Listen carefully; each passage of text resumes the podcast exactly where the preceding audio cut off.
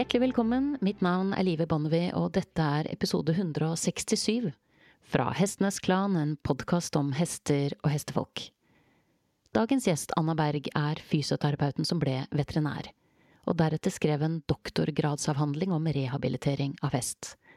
Hun har viet sitt yrkesliv til forskning og utdanning innen dyrerehabilitering og funksjonell anatomi, og hun har en stilling som førsteamanuensis ved Instituttet for klinisk vitenskap ved SLU, Landbruksuniversitetet i Sverige.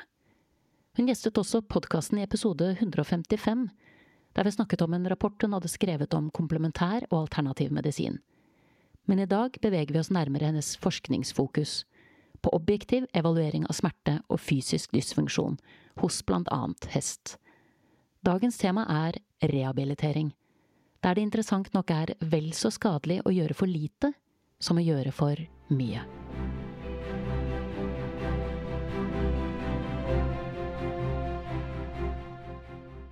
Hjertelig velkommen, Anna, og tusen takk for at du har satt av tid til denne praten. Tack så mycket, jättekul att vara här. Eh, vi traff hverandre på ortopediske fagdager på NMBU. Eh, og du hadde et ekstremt interessant, eller to innlegg faktisk, om rehabilitering. Mm, tackar, ja. Eh, og da tenkte jeg den dama der skal jeg snakke med. Og da har jeg lyst til, sånn som jeg ofte gjør, å starte med begynnelsen. Fordi du er jo ikke en som på en måte bare har kasta deg rett ut med hest, sånn som det ser ut for meg. Så kan du si litt om, om hvordan du på en måte har kommet dit hvor du er i dag som veterinær?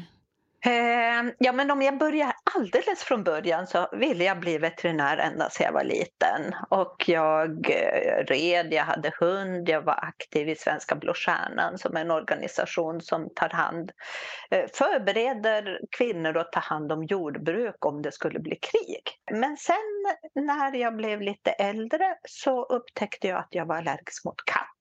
Och då fick jag rekommendationen att jag skulle inte hålla på med djur. Eh, så att då tänkte jag, jag har alltid tyckt om att röra på mig och eh, då tänkte jag att då blir jag fysioterapeut istället. Så då blev jag det och så jobbade jag i ungefär fem år.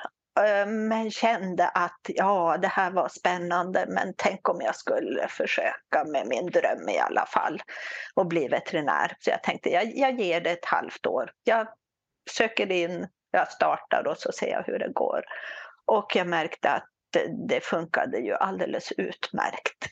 Med, även med katt. Så att eh, då läste jag till veterinär men under utbildningen så kände jag att jag var van att göra funktionella analyser av mina människopatienter där jag tittade på rörelse i detalj och där jag försökte se vad var det för strukturer, alltså vad var det för vävnader som muskler, skelett, senor som gjorde att de kanske inte rörde sig som de skulle. Och jag var van att det mesta jag behandlade var mjukdelar.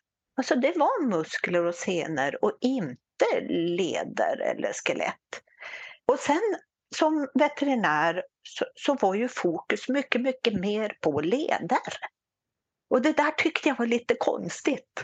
Så att jag började fundera på, skulle jag kunna använda min kunskap som sjukgymnast även inom veterinärmedicin? Så att det jag gjorde då det var att jag jobbade ett tag och sen så fick jag en doktorandtjänst för att, att kunna disputera och jag disputerade på eh, koldioxidlaser, defokuserad laser på häst med kotledsartrit. Och det var en experimentell studie och en klinisk studie så att man både tittade på hur funkar det här men även funkar det? Blir de mindre halta hästarna som har ont i sina kotleder? Eh, problemet sen, för sen ville jag ju fortsätta att titta på en massa metoder och se om, om de funkar eller inte. Men det var att, att det jag ville åstadkomma, för alla som behandlar vill ju åstadkomma någonting. Då hade jag inte verktyg att mäta de sakerna. Och man kan inte bara säga att något blir bättre utan att faktiskt ha mätt det på ett bra sätt. Så att det jag började med i forskningsmässigt då, det var att, att det man säger validera, jag försökte säkerställa att de metoder jag använder får mäta, verkligen mätte det man skulle. Och här kan vi prata om jättemycket för det här är oerhört intressant nämligen ska vi behandla någonting då måste vi först ha en diagnos och vi måste ha mätt vad det är vi ska behandla. Så att vi har en, en, ett basläge för att sedan kunna se blir det bättre eller blir det sämre. Och här har vi ju jättesvårt. Smärta, vi kan inte fråga hästen hur ont den har. Vi måste mäta smärta indirekt muskelstyrka. Vi kan inte sätta hästen i en maskin och säga ta nu i allt vad du kan. Försök att dra ihop den här muskeln så mycket du orkar. Utan vi måste mäta det indirekt. Och då finns det massa dyra sätt eller massa invasiva sätt. Vi kan ta muskelbiopsier. Men jag ville utveckla metoder som man kan använda i vardagen. Som även djurägare kan använda just för att se hur ha min häst idag? Och om jag nu behandlar den på något visst sätt, blir den bättre eller är det bara att den inte blir, att det inte funkar det jag gör? Så, så var det och eftersom jag tycker mycket saker är kul så var jag med och startade den första stora internationella rehaborganisationen som nu har konferenser vartannat år. Plus att jag var med och startade ett college, ett europeiskt college då för de veterinärer som är intresserade av rehab och idrotts eller sportmedicin. Så det är min bakgrund till varför det här är så spännande.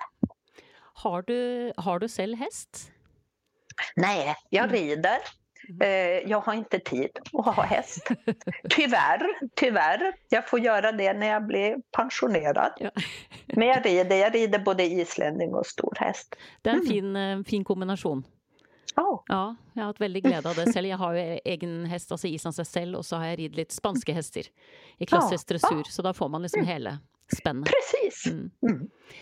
Så jeg eh, ser jo da på nettet at du har jo publisert flere vitenskapelige artikler, skrevet kapitler i rehabiliteringsbøker, du har holdt forelesninger internasjonalt.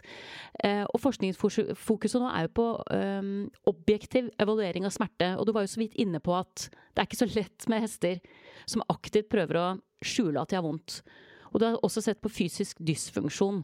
Så kan du si litt mer, gå litt mer i detalj på hvordan dere går frem? For å avdekke smerte hos et dyr, og da særlig hester som, uh, som virkelig prøver å skjule når de har vondt, fordi at de vil jo ikke gjøre seg sårbare, ikke sant? Eh, altså problemet, precis som du sier, det er jo at vi, vi kan ikke mäta smärta direkt. Alltså vi kan ju inte fråga dem. Och när jag började att forska då, då trodde man att man skulle kunna hitta smärtmarkörer som man kunde ha antingen mäta i blod eller i saliv. Um, och man, man, tänkte att ja, men det här blir fantastiskt för då kan vi ha vissa markörer, det finns de som heter nociceptin eller substans P och så. Då trodde man att alla hästar som hade ont de skulle ha samma nivåer av de här substanserna och det skulle bara påverkas av hur ont de hade. Och tyvärr är det ju så att livet är inte svart och vitt, det är grått, grått, grått. Så det är ju massa andra faktorer som påverkar det här. Man trodde att man skulle kunna mäta endorfiner. Sen har man sett att ja, men endorfiner de kan påverkas av hur avslappnad du är eller hur stressad du är. Så att det där med de här, den här drömmen om neuropeptider, där är vi inte riktigt än tyvärr. Så därför som sjukgymnast så, så vill man ju då se, ja men vad är det som gör att du har ont? Jo, du kan ha ont om du är svullen. Det vet alla som har haft av vricka en fot, att det gör ont för att det är svullet. Du kan ha ont för att du är stel, du kan ha ont för att du har för lite muskler och så vidare. Så då får man indirekt mäta smärta. Eller man kan naturligtvis mäta beteende. Det finns massa beteendeprotokoll eller etogram kallar man det för. Eh, där man då har sett att vissa beteenden har djur oftare om man har smärta. Men då gäller det ju att man har kunskap om det här. Dels att man har kunskap om vad är det för smärta man vill utvärdera. Beror den på någonting i rörelseapparaten, alltså muskelsenor eller skelett? Eller beror det på någonting inne i hästen? Är det en akut smärta eller är det en, en kronisk smärta? Um, men ju bättre man blir att titta på sitt djur och följa vissa protokoll eller mäta, till exempel med måttband.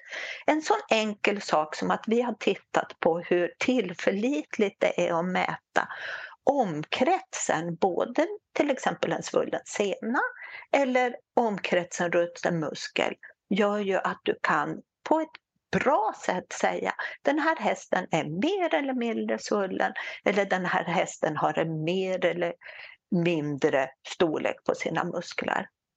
Så att um, det här med att, att, mäta objektivt, det är jätteviktigt.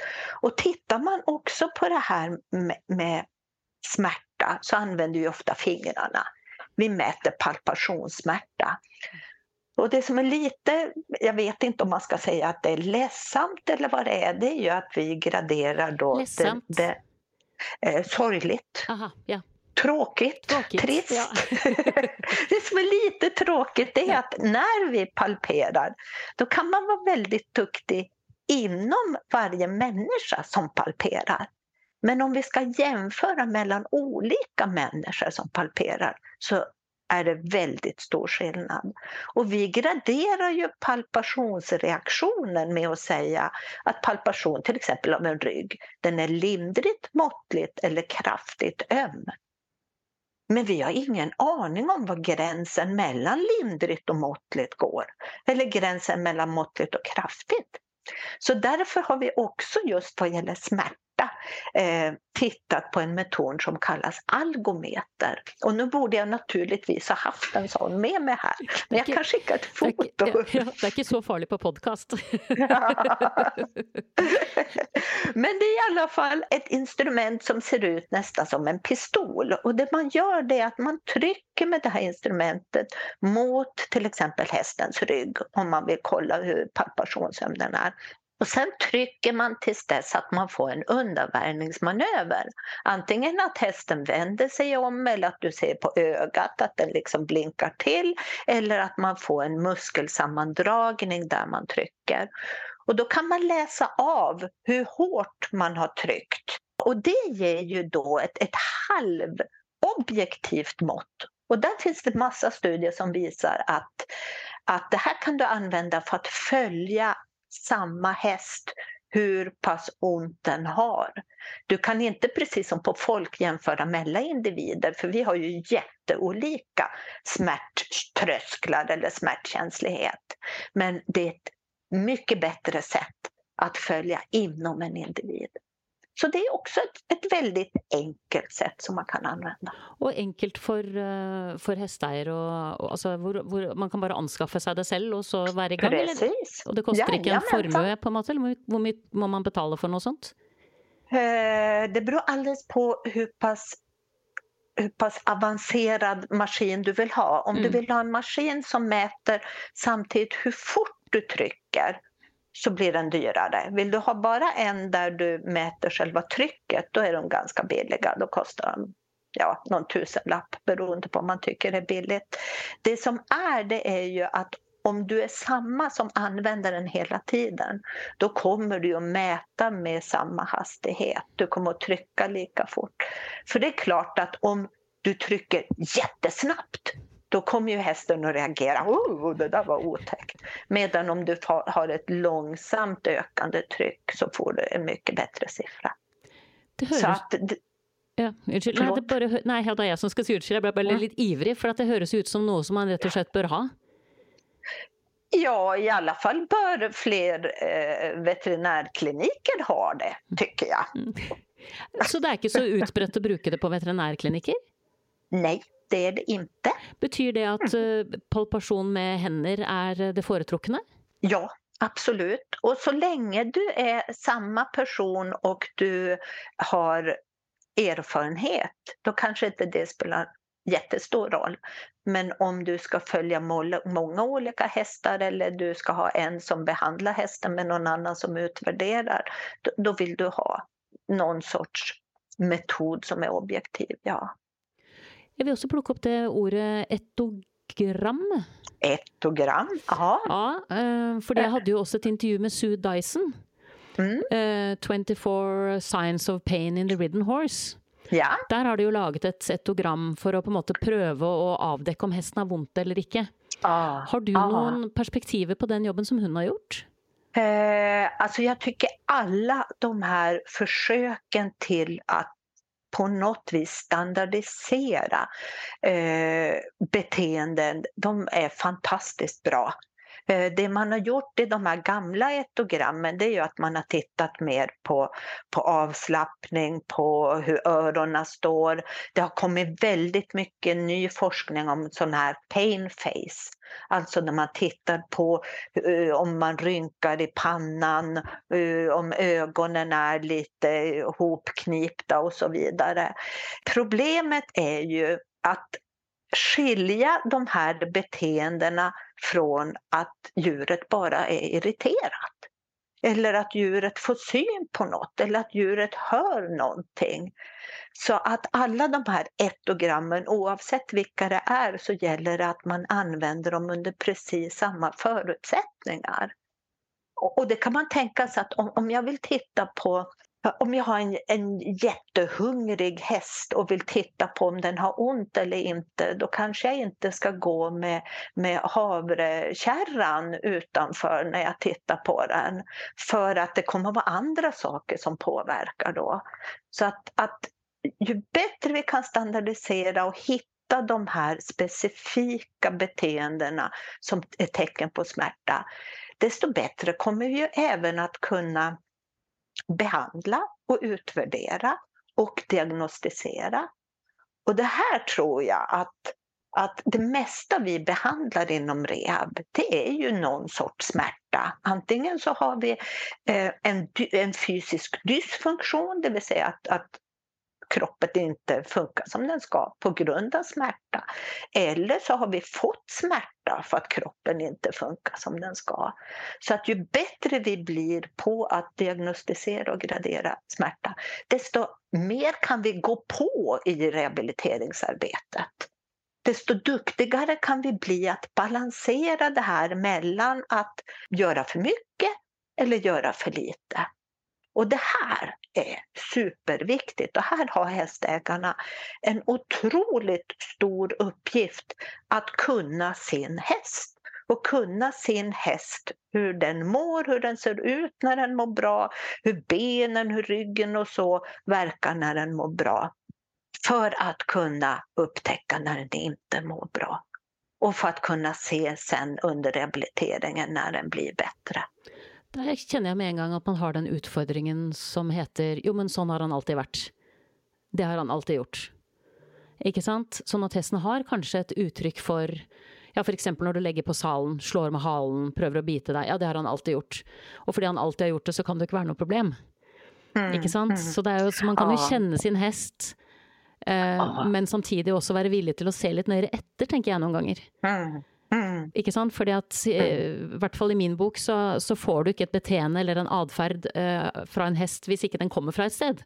Den, kom, den kommer jo ikke ut av ingenting. Så det er noe med å kunne navigere etter nå. Och ju bättre vi blir på det, desto bättre kan vi ju skilja på när djur kanske gör något för att de inte riktigt vill. Beror det på att de inte riktigt vill? Eller beror det på att de faktiskt har ont? Och det är ju en, en djurskyddsfråga, så att det är ju jätteviktigt. Du har jo stort fokus på rehabilitering, Anna, og jeg har veldig lyst til å snakke med deg om rehabilitering av seneskader. Mm. Eh, både fordi jeg har en hest som måtte avlives pga. det. Eh, han hadde en seneskade som jeg klarte å holde i sjakk i ca. seks år. Eh, og det var en sånn, hele tiden en sånn balansegang. Eh, så, så, både fordi jeg har hatt det selv, men også fordi de er utbredt. Altså, det er veldig mange som får seneskader, og så er det veldig krevende å rehabilitere dem. Mm. Men jeg lurte på, kan vi bare starte med det helt grunnleggende? Altså, hva er en sene, og på hvilken måte skiller den seg fra muskler og skjelett med tanke på rehabilitering? Mm. Och, och, nu med risk för att det kommer att låta som om jag föreläser för er så, så är det så att, att, att eh, en sena består ju av bindväv. Bindväv kallas för kollagen. Den består av en viss typ av bindväv, kollagen 1. Och det som är specifikt för den det är att de här eh, den består liksom av, av sen, av, av, kollage, av bindvävssträngar kan vi säga. Och de här bindvävssträngarna de går liksom i längsriktning med senan. Men de här bindvävssträngarna de sitter ihop med något som heter crosslinks. Och det är det som gör att senan tål kraft både i sin längsriktning men även lite i sidoriktning. Det senan däremot är jättekänslig för det är själva skjuvkrafter, det vill säga när ena biten av senan åker åt ett håll och den andra biten åker åt det andra hållet. Eh, senor kan inte dra ihop sig viljemässigt utan om man drar ut dem så är de lite som ett, ett gummiband. De har lite elastiska delar i sig. Och när man sen släpper på den belastningen, då drar de ihop sig igen. Medan en muskel, det är ju enda vävnaden i kroppen som viljemässigt kan dra ihop sig. Så de består av, av muskelceller också, inte bara de här bindvävscellerna som finns utanpå muskeln som håller ihop muskeln och sen som går ner i senan. Utan det, det är eh, vävnader som faktiskt kan dra ihop sig på, på befallning. Eh, så där har vi en stor skillnad och skillnaden är också att i den här muskelvävnaden då har vi jättemycket blodkärl.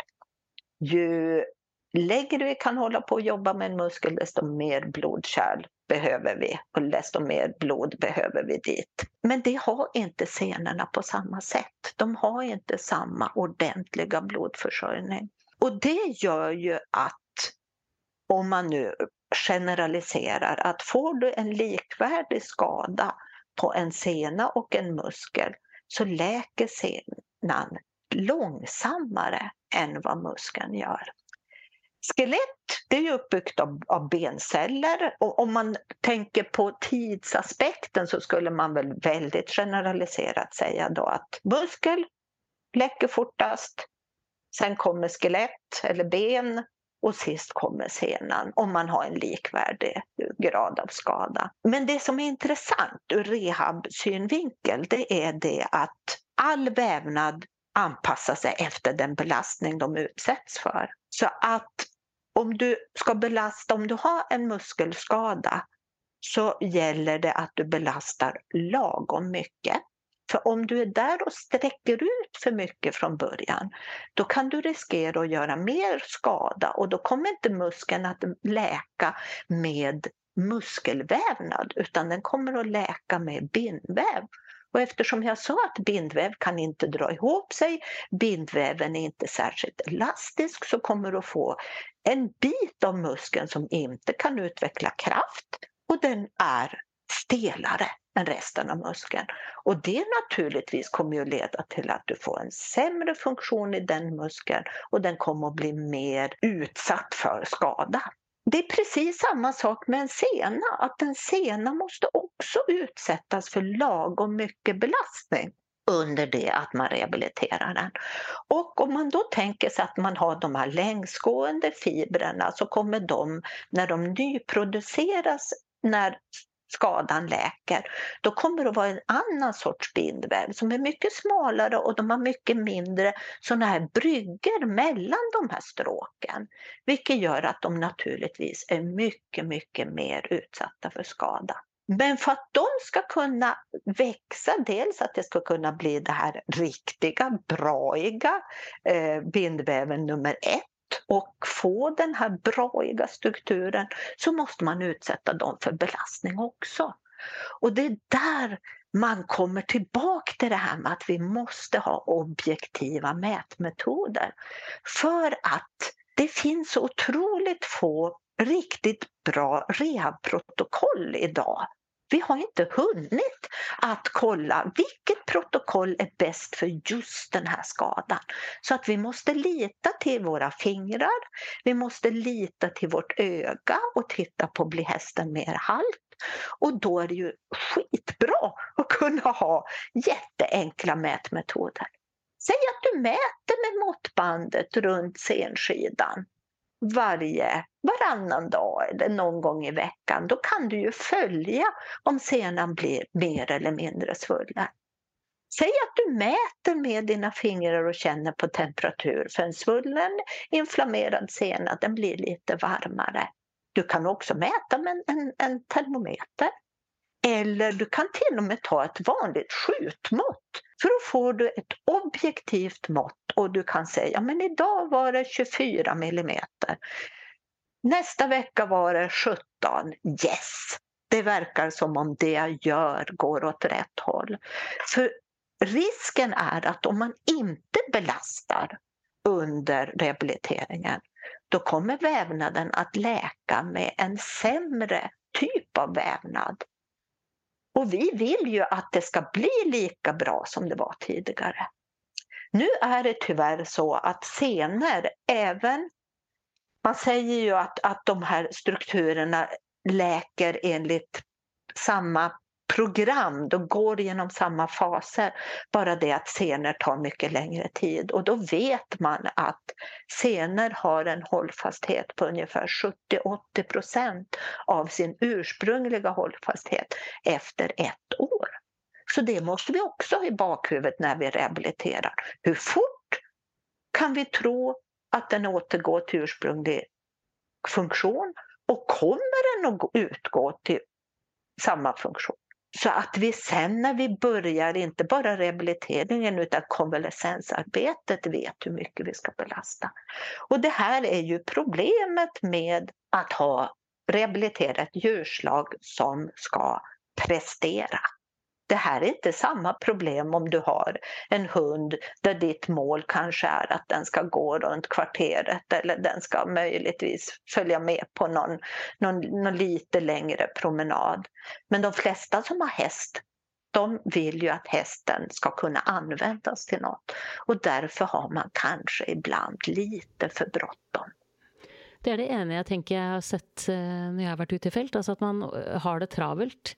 Eh, med den seneskaden jag fick på min häst så sa ju veterinären att denna hästen är färdig som 100% ridehäst. Mm. For skaden er såpass alvorlig, så det bästa du kan hoppas på här är att vi kan stabilisera det. Och så mm. må du på en måte se det an. Ikke sant? Fra mm. uke til uke. Og det gjorde jag i sex år. Och holdt det på en måte i mm. sjakk. Mm. Men dels är det ja, dette lange perspektivet, altså at man är inställd på For kan de bli Kan en seneskade moderat, mild CD-skade kan bli 100% sånn som ett bein kan bli 100% som en muskel kan bli 100% Eller vil det alltid være en svaghet när du først har fått en skada?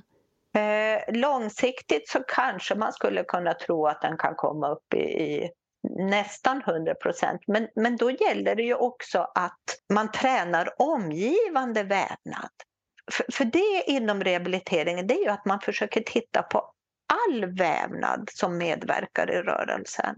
Och då kanske det är så att man får vara extra noga med hur stark den muskeln är som senan sitter i. Man kanske får se till att omgivande muskulatur är stark, alltså de som hjälper till i samma rörelse. Man kanske kan avlasta, precis som du var inne på, med att ändra hovvinkel och så vidare. Och, så vidare. och det här är ju också mycket, mycket svårare på en häst än vad det är på en hund. För på en hund kan man sätta dit det vi kallar för ortos, alltså ett, ett skydd som hjälper till och gör lite av jobbet från muskler och senor. Men med häst så är de ju för tunga alltså. Det, det, det skulle vara jättesvårt att sätta dit riktiga ortoser. Och så syns jag också det är väldigt intressant det du säger med att uh, under rehabilitering så kan man också riskera att man behandlar, alltså, uh, alltså att man hjälper, vad ska jag säga, belastar scenen för lite. Mm. Eh, ikke sant? Sånn at hvis man da har en häst med seneskade och tänker att nei, men han må bare få fri, mm. så är det inte säkert att det da gagner den skadan hästen har fått. Nej, nej. Och sen, och sen är det ju klart att, att hästar, här får vi inte riktigt bara dra paralleller till humansidan heller. För, för om, om jag skulle göra illa mig, då skulle jag troligtvis lägga mig ner men det gör ju inte häst. Häst står ju upp 20-22 timmar per dygn. Så, så lite kommer de ju ändå att belasta. Men jag, jag, tror i framtiden och hoppas att vi kommer att ha riktigt bra protokoll för olika typer av skador. Där vi då ser. Men, något jag, jag tänkte på att, att jag vill lägga till det här med hur man faktiskt kan kan förebygga det är ju det att man har sett till exempel på, på böjseneskador på häst att många av dem kommer när hästen är trött. Det vill säga när du inte kan eh, skydda vävnaden med resterande mjukdelsapparat, alltså andra muskler, andra senor, så kommer du att utsätta den böjsenan för, för hög belastning. Och eh, det är ju precis som man pratar om när man åker skidor. Och mm, norrmännen är ju kända för att vara fantastiskt duktiga skidåkare. Det är att om man åker ut för ska man aldrig åka det sista åket. För då gör man illa sig, för då är man trött. Så att ju bättre man är också att, att träna att se när djuret är trött. Plus att om man tittar på, på själva nu pratar vi som om det bara finns en sorts senskada och det finns det ju inte. Utan dels är det graden av senskada, dels beror det på hur den har uppkommit. Och då pratar man om att man antingen har mikroskador. Det vill säga man har upprepade små, små, små, små skador som gör att till slut så, så får man en omstrukturering av senan som gör att man får en kronisk skada, en tendopati. Det är en sak. Det andra det är ju det här riktiga yttre våldet när man får en akut skada, när man trampar ner i något hål eller så vidare. Och då får man en, en helt annan typ av skada och beroende på vilken sorts skada så kommer man också att behandla den annorlunda. Och man kommer troligtvis att lägga upp eh, rehabiliteringsarbetet annorlunda. Så eh, senskador är inte bara en sak utan det är väldigt många olika saker. Och det är därför det är så otroligt viktigt att man, att man vet hur skadan har skett, att man har koll på sitt djur, att den är veterinärundersökt och att man sen behandlar den ut efter den typ av skada man har. Ja, for der kommer du litt borti en annen ting som man også kan observere, og det er jo at jeg har hatt en seneskade på min hest, så snakker jeg med en annen som har hatt en seneskade på sin hest, og det hun ble anbefalt å gjøre på sin hest av sin veterinær, det gjør jeg også fordi at min hest har også en seneskade. Mm. Ikke sant? Mm. Så man generaliserer og tenker en seneskade er en seneskade, men som du sier, det er litt mer komplisert enn det. Ja, da gjør man det nog lite lätt för sig. Och, och jag förstår att att det är lätt att göra så, särskilt om det går väldigt bra för din kompis häst. Att då griper man det där halmstrået. Eh, och jag förstår att det är att man ibland kanske kan bli väldigt förvirrad av en veterinärdiagnos som säger att det här kan vara det men det kan också bero på det här och det här. Och är det det första då kommer det att se ut så men jag kan inte riktigt säga säkert för det beror även på det här och det här. Istället för någon som säger att det här är precis det här, det kommer att gå precis så här det är ju en viss förtröstan att få de här ganska enkla, snabba svaren men livet är inte sånt och vår biologi är inte sån. Den är betydligt mer komplex än vad vi tror och det är många mer faktorer som inverkar. Så att um, senskador kan vara väldigt mycket olika saker och ska därför behandlas olika också. Du sa lite grann om eh, hur man förebygger i förhållande till detta med när hästen är sliten og på tampen en trening og hvor hardt man trener og sånt. Så har du noen flere stikkord i forhold til ehm, det viktige vi kan gjøre som hesteeiere, i tillegg til å følge med på hesten vår, altså for å unngå, så langt det er mulig, at hesten får mm. seneskader? Mm. Ja, A och O är ju träning det, det, finns så många olika lätta lösningar till saker. Men, men jag tror inte så mycket på lätta lösningar utan jag tror att, precis som jag sa, vävnader anpassas efter den belastning de utsätts för. Vi ska se till att våra unga hästar rör på sig. Anpassad träning. Vi ska se till att även när de är gamla att de rör på sig anpassat. Och då återkommer jag till det här att det är så viktigt att hästägaren själv kan känna på hästen och känna när det blir något tokigt. Så träning, anpassad träning för det som djuret ska användas till och att inte ha för bråttom. Se till att djuret verkligen är vältränat för det det ska göra. Om det då ska bli en travhäst eller en, en eh, westernhäst eller islänning eller vad det nu är den ska bli. Och sen också att den har perioder där den får vila. Och här har man diskuterat jättemycket. Ska man låta gamla hästar vila? Ja, men de kanske inte ska vila under en lång period. För gör de det, då måste man starta långsamt igen och träna. Så optimerad träning, och då pratar jag alltså om, om tömkörning, träning från mark. Jag pratar om olika eh, cavalettis, jag pratar om rid ut i skogen. Var ute med hästen, låt den inte bara gå i små hagar all fysisk rörelse där hästen är tvungen att stärka sitt skelett genom att den slår hela tiden i marken, att stärka sina senor och framförallt att stärka det vi kallar för proprioception eller kroppsmedvetenhet. Det vill säga att den vet var den har sina ben och då kan man göra, om man nu inte har en skog nära, då kan man ju göra olika underlag eller man bygger olika banor och så.